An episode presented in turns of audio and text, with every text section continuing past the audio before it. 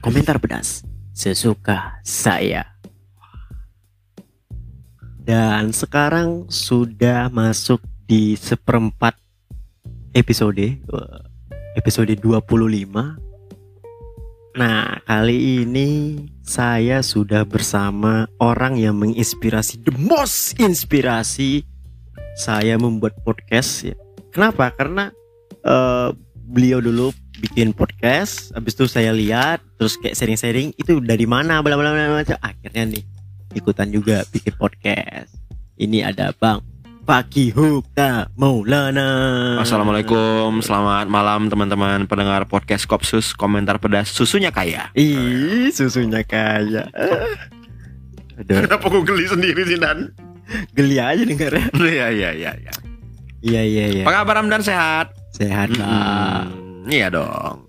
Nah, Abang, eh tapi sebelum kita mulai, Ya. sebelum kita mulai, aku kan udah sedikit ada ADS lah, Bang. Ya, sedikit-sedikit lah. Iya iya iya. Iya, kita kasih kesempatannya. Ya.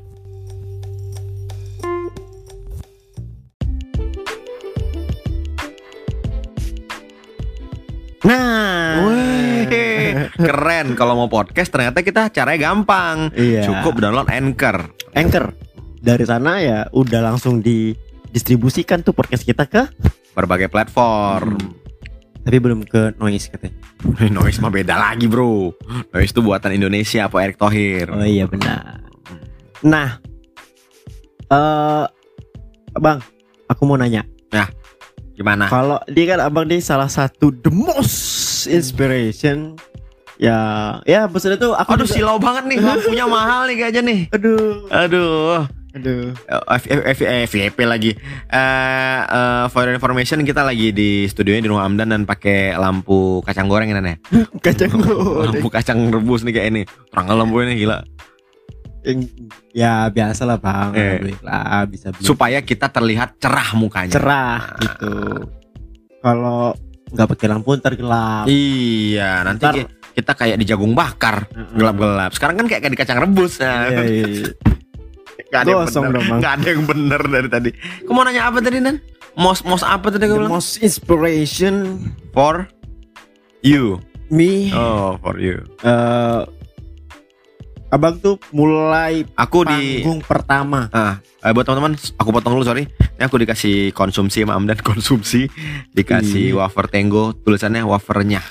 Ah, ini eh uh, kadaluarsanya 1436 Hijriah. Hijriyah. Hmm, Berarti buat di Arab. oh, panggung pertama ya? Panggung pertama. Panggung pertama. Eh, sebagai eh, stand up comedian, MC atau mungkin yang lain? Eh ya eh, bisa dibilang eh, maksudnya ya semuanya kayak band kapan, kalau Oh, kalau MC nge- kapan, kalau stand up tuh- kapan. Kalau ngeband kayaknya aku mulainya tuh dari awalnya pas eh Ramayana Robinson dibuka sekitar tahun 2011 itu. Namanya Robinson Buka. yang dekat rumah sini kan rumah aku kan daerah sini juga. Heeh. Eh, waktu itu aku pertama kali manggung dibayar gitu. Kalau bayar itu pertama kali di Ah, situ. kalau stand up comedian pertama kali dibayar itu Sun, Sun. Sun, Sun 2. eh Sun 3 sorry, kalau Sun 2 masih MC aja. Stand up comedian pertama kali dibayar. Kalau MC pertama kali dibayar kayaknya nge-MC nge-MC Sweet Seventeen lah waktu itu. MC MC Sweet Seventeen berarti sekitar SMA ya? Enggak, Sweet, Sweet Seventeen orang anak SMA, aku baru kuliah. Oh, aku kira abangnya masih Sweet Seventeen. Ya, jadi emang gitu. Jadi emang eh berada dari panggung-panggung kecil dari yang minta oleh teman-teman, adiknya teman, apa gitu-gitu sampai akhirnya menjadi sebuah profesi yang emang ditekuni sampai sekarang. Nah, panggung paling berat. Paling berat ya. Menurut abang? Berat tapi bisa ditaklukkan atau berat tapi tidak bisa ditaklukkan? Oh iya bisa ditaklukkan lah. Kalau berat tapi bisa ditaklukkan, kayaknya aku pernah stand up di acara Forum Komunikasi Penanggulangan Teroris. uh, Itu eh, sekitar tahun 2019 akhir ya, sebelum Covid tuh. Jadi aku disuruh stand up temanya persatuan yang nonton Badan Intelijen Negara sama undangan pelajar-pelajar terbaik gitu. Jadi dari setiap SMA di Aku nggak yakin sih bisa lucu. Aku beranggapan ya udah yang penting tidak menyinggung. Aku dapat uang udah. Pulangnya ternyata alhamdulillah ya kayak manggung di Sun jadi kayak ketawanya emang gede gitu. Jadi aku nggak sendiri tidak menyangka gitu.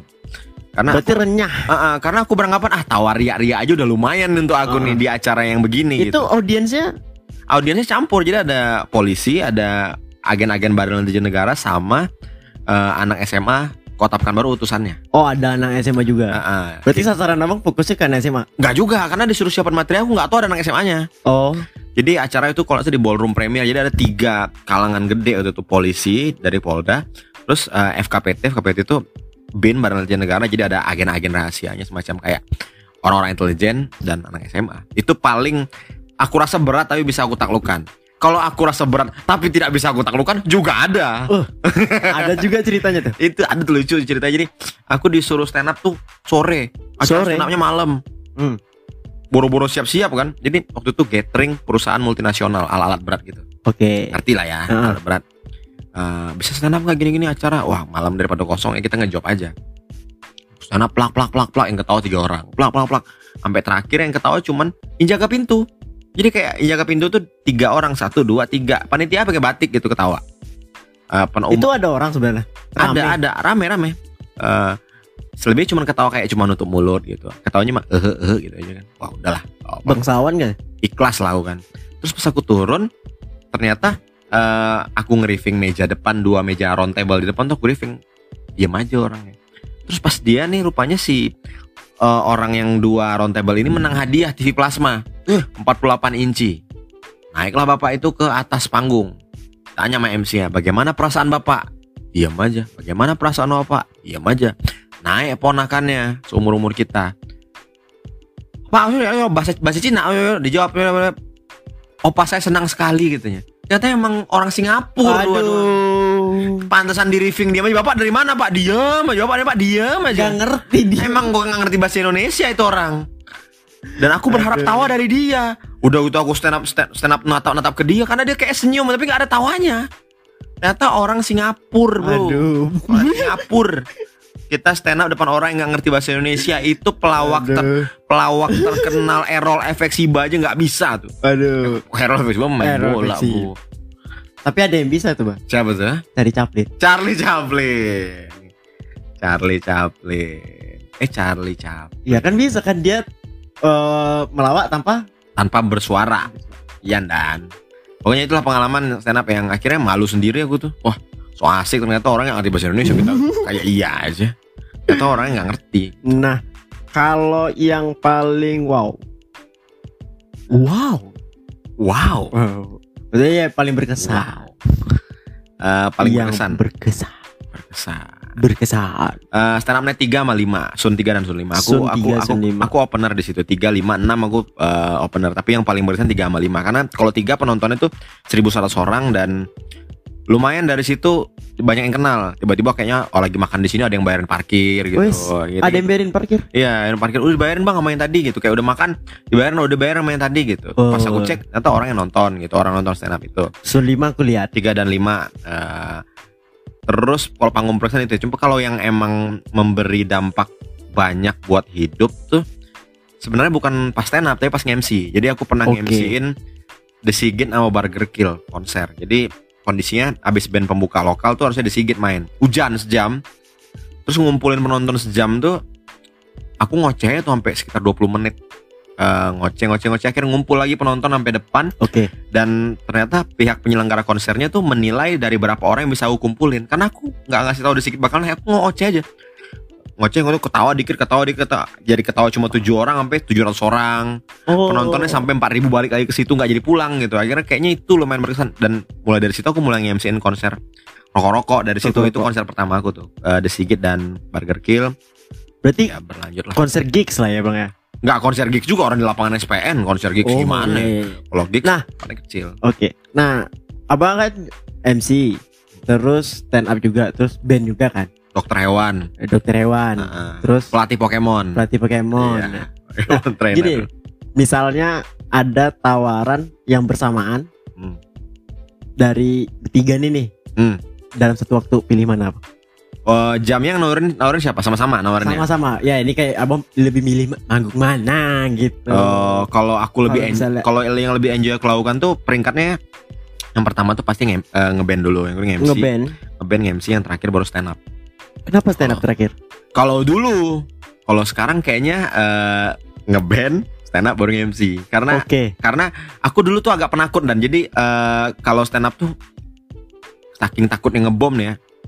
Angka yang ditawarin tuh sembarang aja yang penting nggak terkerendahan, nggak nggak receh kali aku ngambil. Kalau sekarang stand up aku udah udah Berani berani ya? bilang pasang tarif karena aku udah punya set gitu loh. Kalau jadi kalau kalau sekarang tuh ini agak buka dapur eh stand up dan MC tuh rate-nya udah hampir sama aku. Dan Hmm. aku lebih enjoy stand up dong kerjanya cuma 10 menit Oh iya, Duit- Duitnya jelas. segitu ketimbang MC panjang aku dari pagi gitu.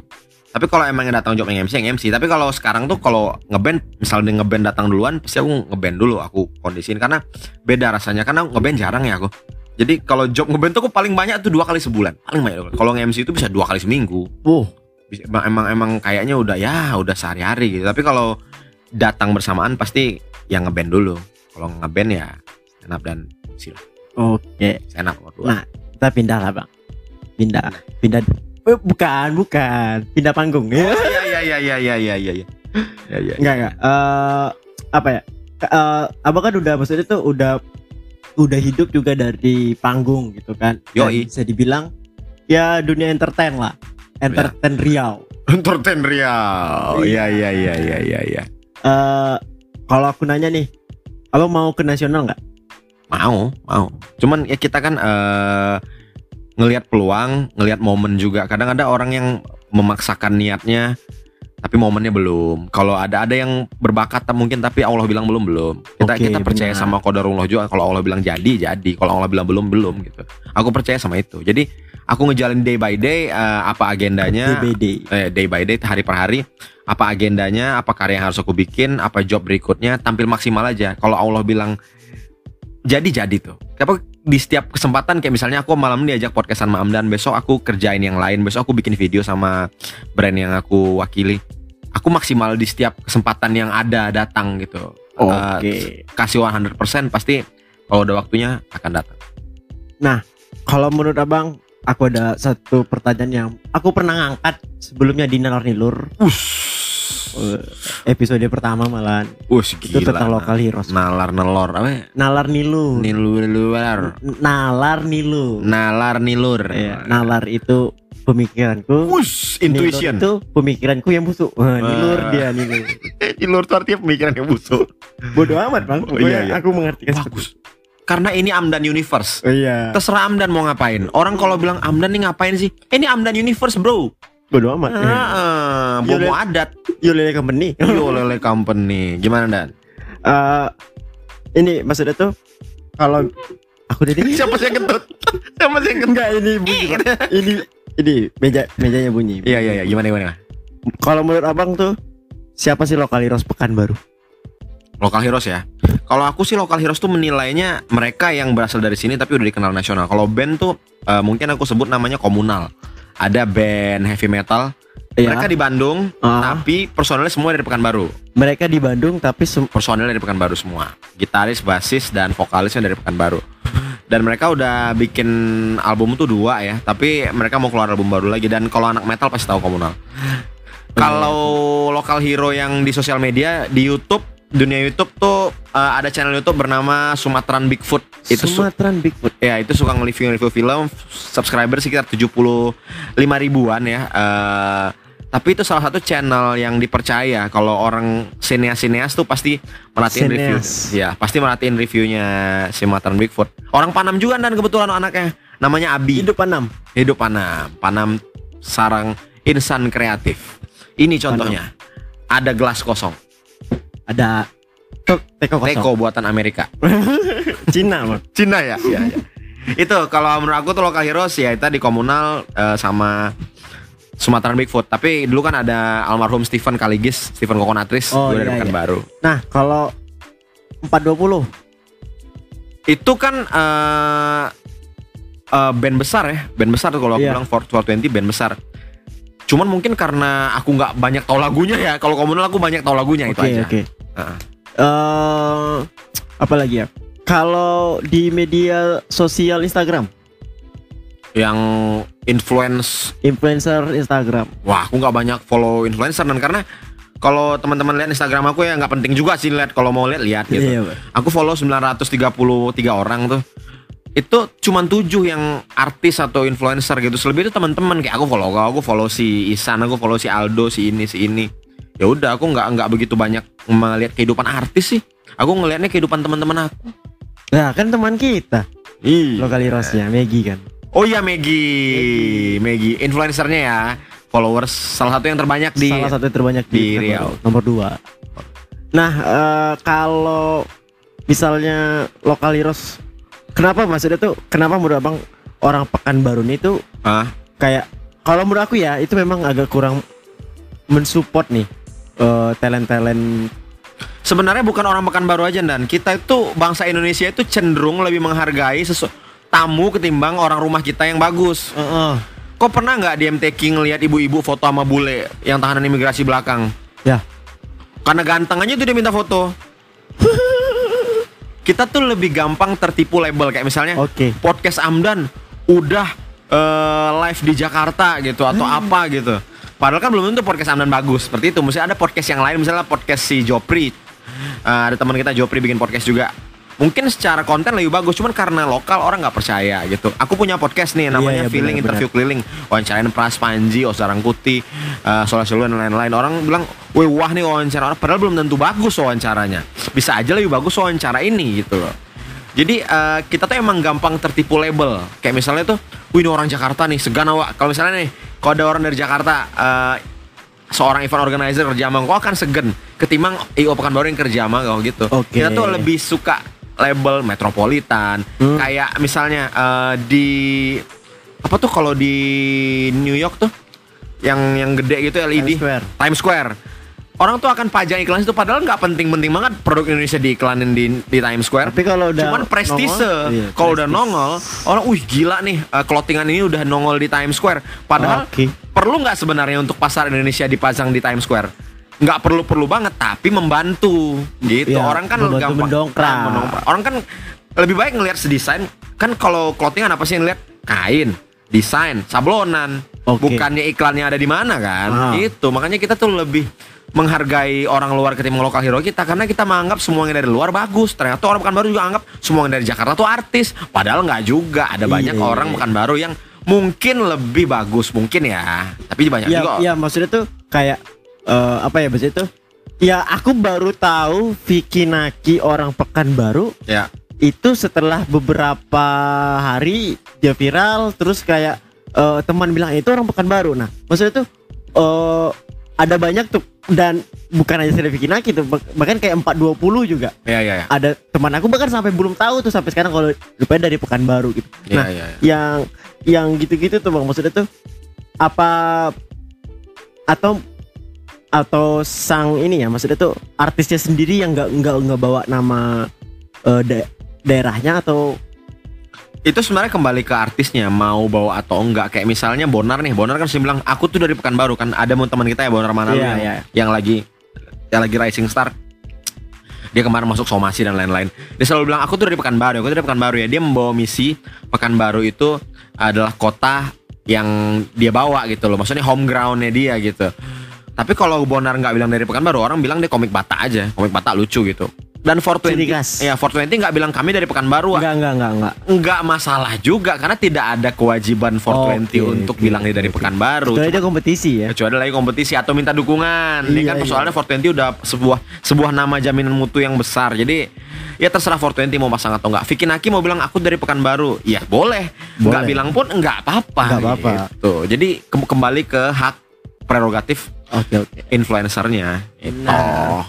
itu tentang lokal Hero. heroes kalau menurut abang lagi nih kalau ada yang bilang lokal heroes layak nggak Hmm, nggak tahu terserah mereka ya. Karena aku tidak terlalu mempersoalkan predikat yang orang kasih gitu loh. oke Aku yang penting yang penting orang sen, apa yang aku seneng aja dengan yang aku kerjain gitu loh.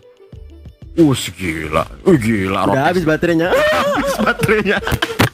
aku nggak terlalu uh, kayak gitu dan kayak misalnya, wih, selebgram nih gitu. Wah, ini uh, ini nih gitu. Atau ini uh, pekerja kreatif. Aku nggak terlalu mikirin label gitu. Yang penting aku bikin apa yang aku bisa. Dan aku senengin aja gitu. Oke. dan menghasilkan udah itu aja. Yang penting bisa makan aja orang rumah. Nggak kayak era-era PSBB atau PPKM level 4 aja. Udah gitu aja. Sampai balik ke era situ lah intinya. Kalau bahas tentang dunia konten kreatif tuh besar apa? Kayaknya nggak pernah putus, nggak bisa habis tuh. Tidak habis-habis. nggak bisa habis Kalau abang main TikTok, TikTok? Nggak kenapa? eh nggak ngerti aku mainnya. Harus main apa aku nggak ngerti. Kalau tapi kalau akunnya pernah aku punya. Waktu itu disuruh stand up riset tentang budaya pop anak muda. Waktu itu, waktu pas covid covid juga nih stand upnya suruh bahas tiktok ya aku bikin akun bentar. Nonton nonton par pargoy cewek-cewek itu. Oh, kalau aku kau main apa? Enggak, aku ini yang, yang oke cupid main kau TikTok. Aku kalau TikTok tuh Tantan. waktu ada ini yang undang dapat duit, duit itu. oh gue kira kau nonton bawa Alpenliebe Eh, Iya. Gimana Dan? Apa lagi Dan? Ah, kalau tentang kreatif itu sendiri, Pak. Apa kira-kira? Mak eh, kalau menurut Abang kreatif tuh apa? Makna dari kreatif. Wah gila pakai ditanya gini kayak kuis nih. Eh kuis kuis di kampus ya kreatif.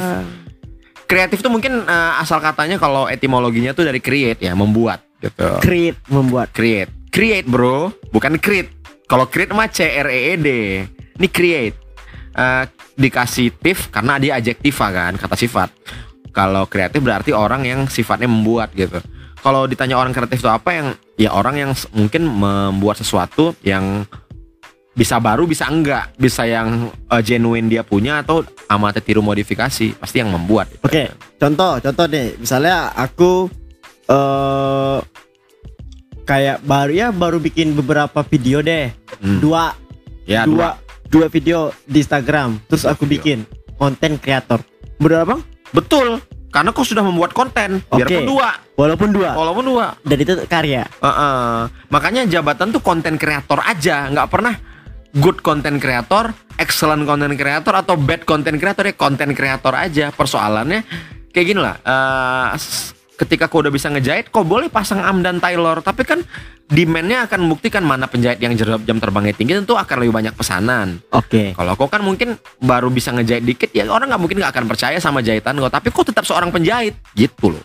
Oke, oke. Heeh, kayak misalnya gue pemain bola nih, Amdan, tapi mainnya eh, di SSB sampai tua masih SSB, ada yang masih muda udah nyentuh klub profesional, kan sama-sama main bola.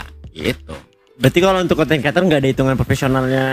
Enggak apa namanya konten kreator label konten kreator ya menurut aku sebatas dia sudah membuat sebuah konten, dua buah konten ya itulah konten kreator. Oke. Karena ada eh, sempat jadi perdebatan sih. Hmm. Kayak, "Wih, emak emak itu ya udah nyebut-nyebut konten kreator, konten kreator." Mungkin yang perdebatan itu adalah ketika konten kreator for profession. Misalnya Oh. eh, kalau Amdan konten kreator eh, bikin konten, kontennya udah bisa ngehidupin dia belum? Oke. kalau udah bisa ngidupin berarti jadi konten kreator as a profession, profesional. Tapi kalau konten kreator yang bikin konten ya semuanya kayaknya kita bikin konten kok gitu. Dan dan bebas aja kalau mau dicap apa gitu. Itu kan cuma label aja. Level aja. Dan Nah. label nggak menentukan. Kalau kembali ke dalam dunia kreatif tadi nih. Ini kayaknya udah low.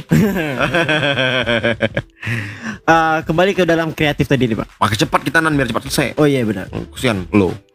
Nah, kalau Low budget tapi ya. Bukan low bed. low bed. Dia udah mulai. Ah, ya, ya, ya, ya. Nah, kalau misalnya aku mau nanya apa lupa lah. Terima kasih yang sudah nonton. Mantap. Nggak, biasa bang. Bukan abang aja yang aku gini kan.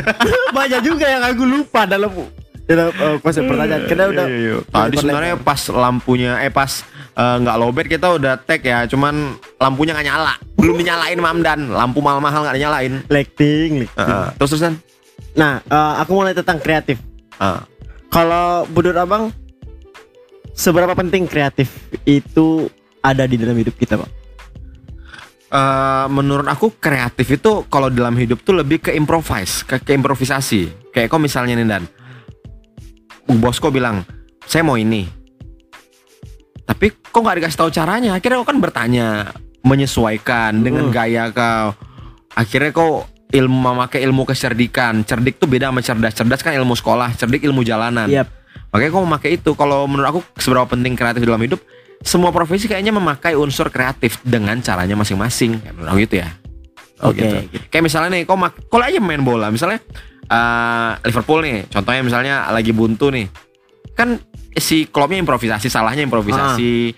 Yang tadinya main satu dua, terus tiba-tiba main umpan panjang, ada tiba-tiba diving lah, ada tiba-tiba ngenain bola ke tangan pemain lain biar, eh gitu-gitu kan termasuk kreatif dan eh, improvise ya, menurut aku. Kalau ini eh, apa ya kayak supaya kita bisa kreatif itu.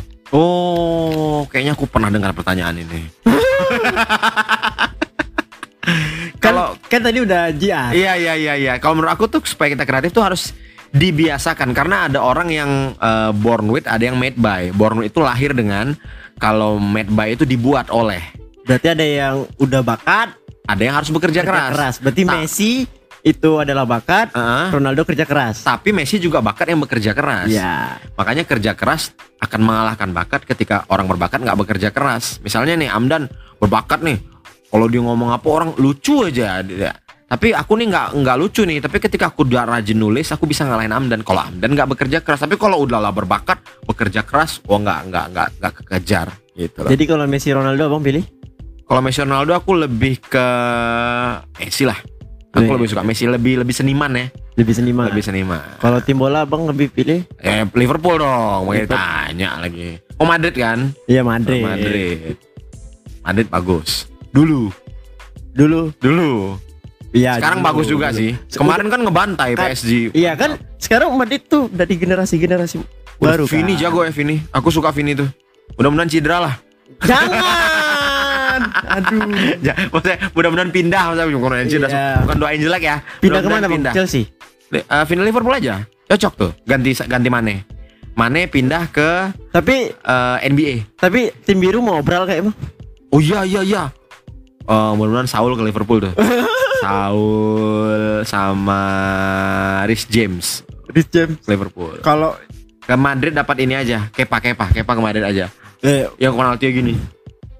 Jangan lah bang Kepa Ya. Conte. Kon- Conte mah bukan Conte itu pelatih Tottenham, Bro. Kalau Kante. Kante, ah ya. Conte pelatih. Iya Kante. Mana sih? Kante, Kante. Kante. Kante. Kante. Bagus. Bagus. Kembali tadi kalau pertanyaannya adalah gimana supaya kreatif, kita kan lahir dengan ada yang berbakat, ada yang harus bekerja keras. Ah, kita harus membiasakan dan kadang kok kreatif nih? Misalnya malam nih kok lucu nih di dalam sebuah panggung stand up Amdan pecah banget gitu. Tapi kalau kok nggak berusaha lagi untuk berikutnya kok akan basi aja. Udah materi Amdan ini lagi ini lagi gitu. Dan akan cepat redup karirnya. Kalau insan kreatif itu adalah yang bukan cuma bisa meledak tapi juga bisa mempertahankan ledakannya di setiap oke. makanya kan kita sering lihat tuh kita sering lihat wah bang ini komik bakal lucu nih bang. Kok sering bilang kayak gitu kan bang ada anak baru bakal lucu nih bang bakal lucu. Cuman kan sering kita kita hilang gitu aja kan Heeh. yang bisa bertahan lama tuh adalah orang yang senantiasa setiap hari itu memperbaharui dirinya. Umur boleh nambah tapi kita tetap relevan. Amdan nih umur umur umur 24 ya 26. 26 aku udah umur 30 nih tapi kita kan selalu ada di industri anak muda Amdan di videografer aku di eh, panggung Iya, iya. karena kami selalu mungkin ya eh, menjaga relevansi kami untuk zaman Kita sekarang harus ngi- bisa ngikutin tuntutan zaman. Iya, tapi bukan berarti kita harus sosok muda nggak menentu gitu. Oh, iya, ya, kita iya, tetap iya. harus dewasa juga, bukan kanak-kanak melulu. Bukan aja. kayak nenek-nenek gaul. nenek gaul, nenek bahasa aku lagi dah nenek gaul. Nah, kalau aku nanya tuh susah nggak sih konsisten kalau menurut abang? Susah dan. Apalagi eh, kalau udah bicara masalah uang ya, uang meminta aku harus gini gini gini gini. Aku sendiri nih sekarang eh, kalau misalnya lagi konten bikin konten gitu kayak, oh Maki gini gini ya kalau aku rasa ini bakal merusak merusak brand aku merusak apa yang udah aku bangun jauh-jauh. Aku bilang kita nego jangan kayak gini dong gini gini gini. Konsisten tuh sulit. Tapi kalau kok konsisten sama idealis tuh sama sama egois tuh beda orang kan Oke. kadang bilang wah Amdan idealis nggak bisa dikasih tahu itu mah bukan idealis itu mah egois iya, idealis itu adalah kita berdiri atas konsep ideal. Misalnya Amdan Ah. bilang idealnya tuh begini bang, kalau kita bikin podcast ada mic, ada topik, ada apa itu idealis. Ah, iya. Tapi kalau egois, aku pokoknya podcast tuh gini, lain kayak ini aku nggak mau. Nah, itu egois. Egois. So- soalnya orang sekarang sering ketukar idealis sama egois. Makanya kalau pertanyaan tadi gimana caranya konsisten ya kita sesuaikan diri kita sama zaman, cuman jangan jadi murahan. Jangan semua yang ada di zaman itu kita ikutin, yang cocok sama kita aja. Kayak misalnya nih Amdan, lagi sekarang lagi booming baju oversize. yang badan kayak aku mungkin cocok yang kayak Amdan pasti nggak cocok lah Amdan agak kurus dia harus pakai baju yang nggak oversize gitu loh misalnya nah Ngepres, ketat. ya ngepres Mm-mm. itu kayak misalnya sekarang lagi model uh, rambut French crop aku nggak cocok kayak rambut kayak gitu. Makanya aku nggak kayak gitu. Tapi kok Amdan mungkin cocok? Ya hajar aja. Berarti tetap cocok nggak cocok? cocok nggak cocok sama kita. Tapi kita jangan buta sama ah pokoknya aku udah stuck di sini nih di tahun tahun 2010 nih. Gaya aku tahun 2010 aja. Tahun sekarang tuh alay semua. Ya nggak gitu juga. Karena setiap zaman tuh pasti ada posternya ada alaynya. Tahun 90-an juga ada Ya, alaynya. fase kehidupan itu kan ada alay ya. pasti ada alay. Makanya orang bilang musik tuh paling bagus tahun 90-an karena 90-an tuh nggak ada alay ada juga pasti musik alay kalau kita cari-cari tahun 2000-an juga ada Contohnya bang? Jangan dong. Jangan dong. Kalau di komunitas kita yang alay aku bisa sebutin. Siapa? Dani Tanjung namanya. Oh, Ada iya, Dani iya, Tanjung iya, sama Dani Ateng tuh alay itu. Sama Abi juga alay. Alay. Abi alay.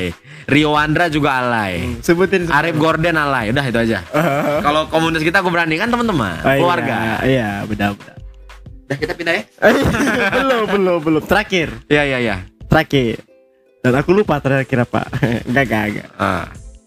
Bisa nggak hidup dari kreatif?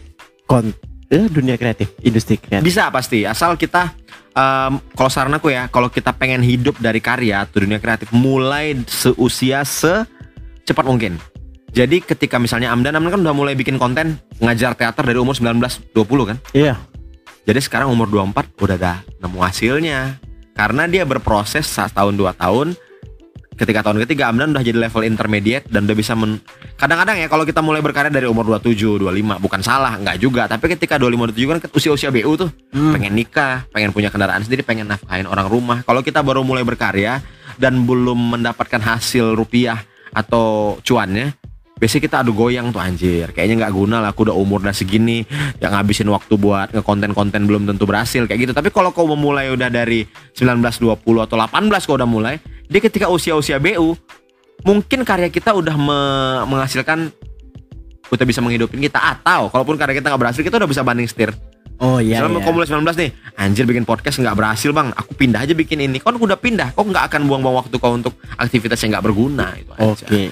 Mulai sedini mungkin yang pertama, yang kedua eh, kenali SWOT ya, strength, weakness, opportunity dan threat. Kenali kekuatan kita apa, kelemahan kita di mana, kekuatan kita kita tingkatkan, kelemahan kita kita tutupin, opportunity-nya kita cari kesempatan. Kalau kesempatan tuh kayak misalnya kolaborasi gitu salah satu kesempatan dan threat ancamannya apa, saingan kita siapa. Oh, Kalau zaman sekarang tuh saingan itu jangan diperangi, jangan dibunuh, tapi kita ajak collab biar masa dia masa kita bersatu. Makanya di Instagram ada postingan kolaborasi sekarang. Oh iya iya. Gitu. Makanya Ah. eh, Jokowi Prabowo juga kolaborasi. Bagus kan akhirnya kan gak ribut lagi orang. Iya. Damai. Ya, ributnya Damai ributnya masalah yang lain kalau sekarang. Iya. Masalah apa tuh Dan? masalah apa bang? ya udah. IKN oke. bang IKN. Apa tahu nggak ngerti ya? Udah gitu tutup aja ya. ya. Oke ya. Nah kembali. Kok kembali? Oke, ini episode 25 eh, Semoga ada yang denger ya. semoga juga kalau memang aku pingin Kalau aku pingin tuh kayak eh, kan di Spotify itu ada ini ya. Spotify. Kenapa selalu pakai ro? Spotify. Susah ya. ya, ya. Spotify itu kan ada dan- aplikasi rekam eh, komentar tapi kalian bisa kirimkan voice. keren. Nah, pingin nih dengar eh, komen-komen voice-nya kalian. Jadi kalian eh, komen voice di Spotify, di podcast nanti aku respon deh satu-satu. Wih keren. Ini baru content creator. Jangan lupa di blog. Eh, jangan. Jangan Kok- lupa follow Instagramnya. Ya, Amdandra, kalau bisa disupport, Iya iya. support yang ada kayak Donasi ya. eh, eh, donasi. Oke. Dan ini dia sudah di ujung penghujung acara. Sampai berjumpa kembali. Pi pi pi pi. See you next time.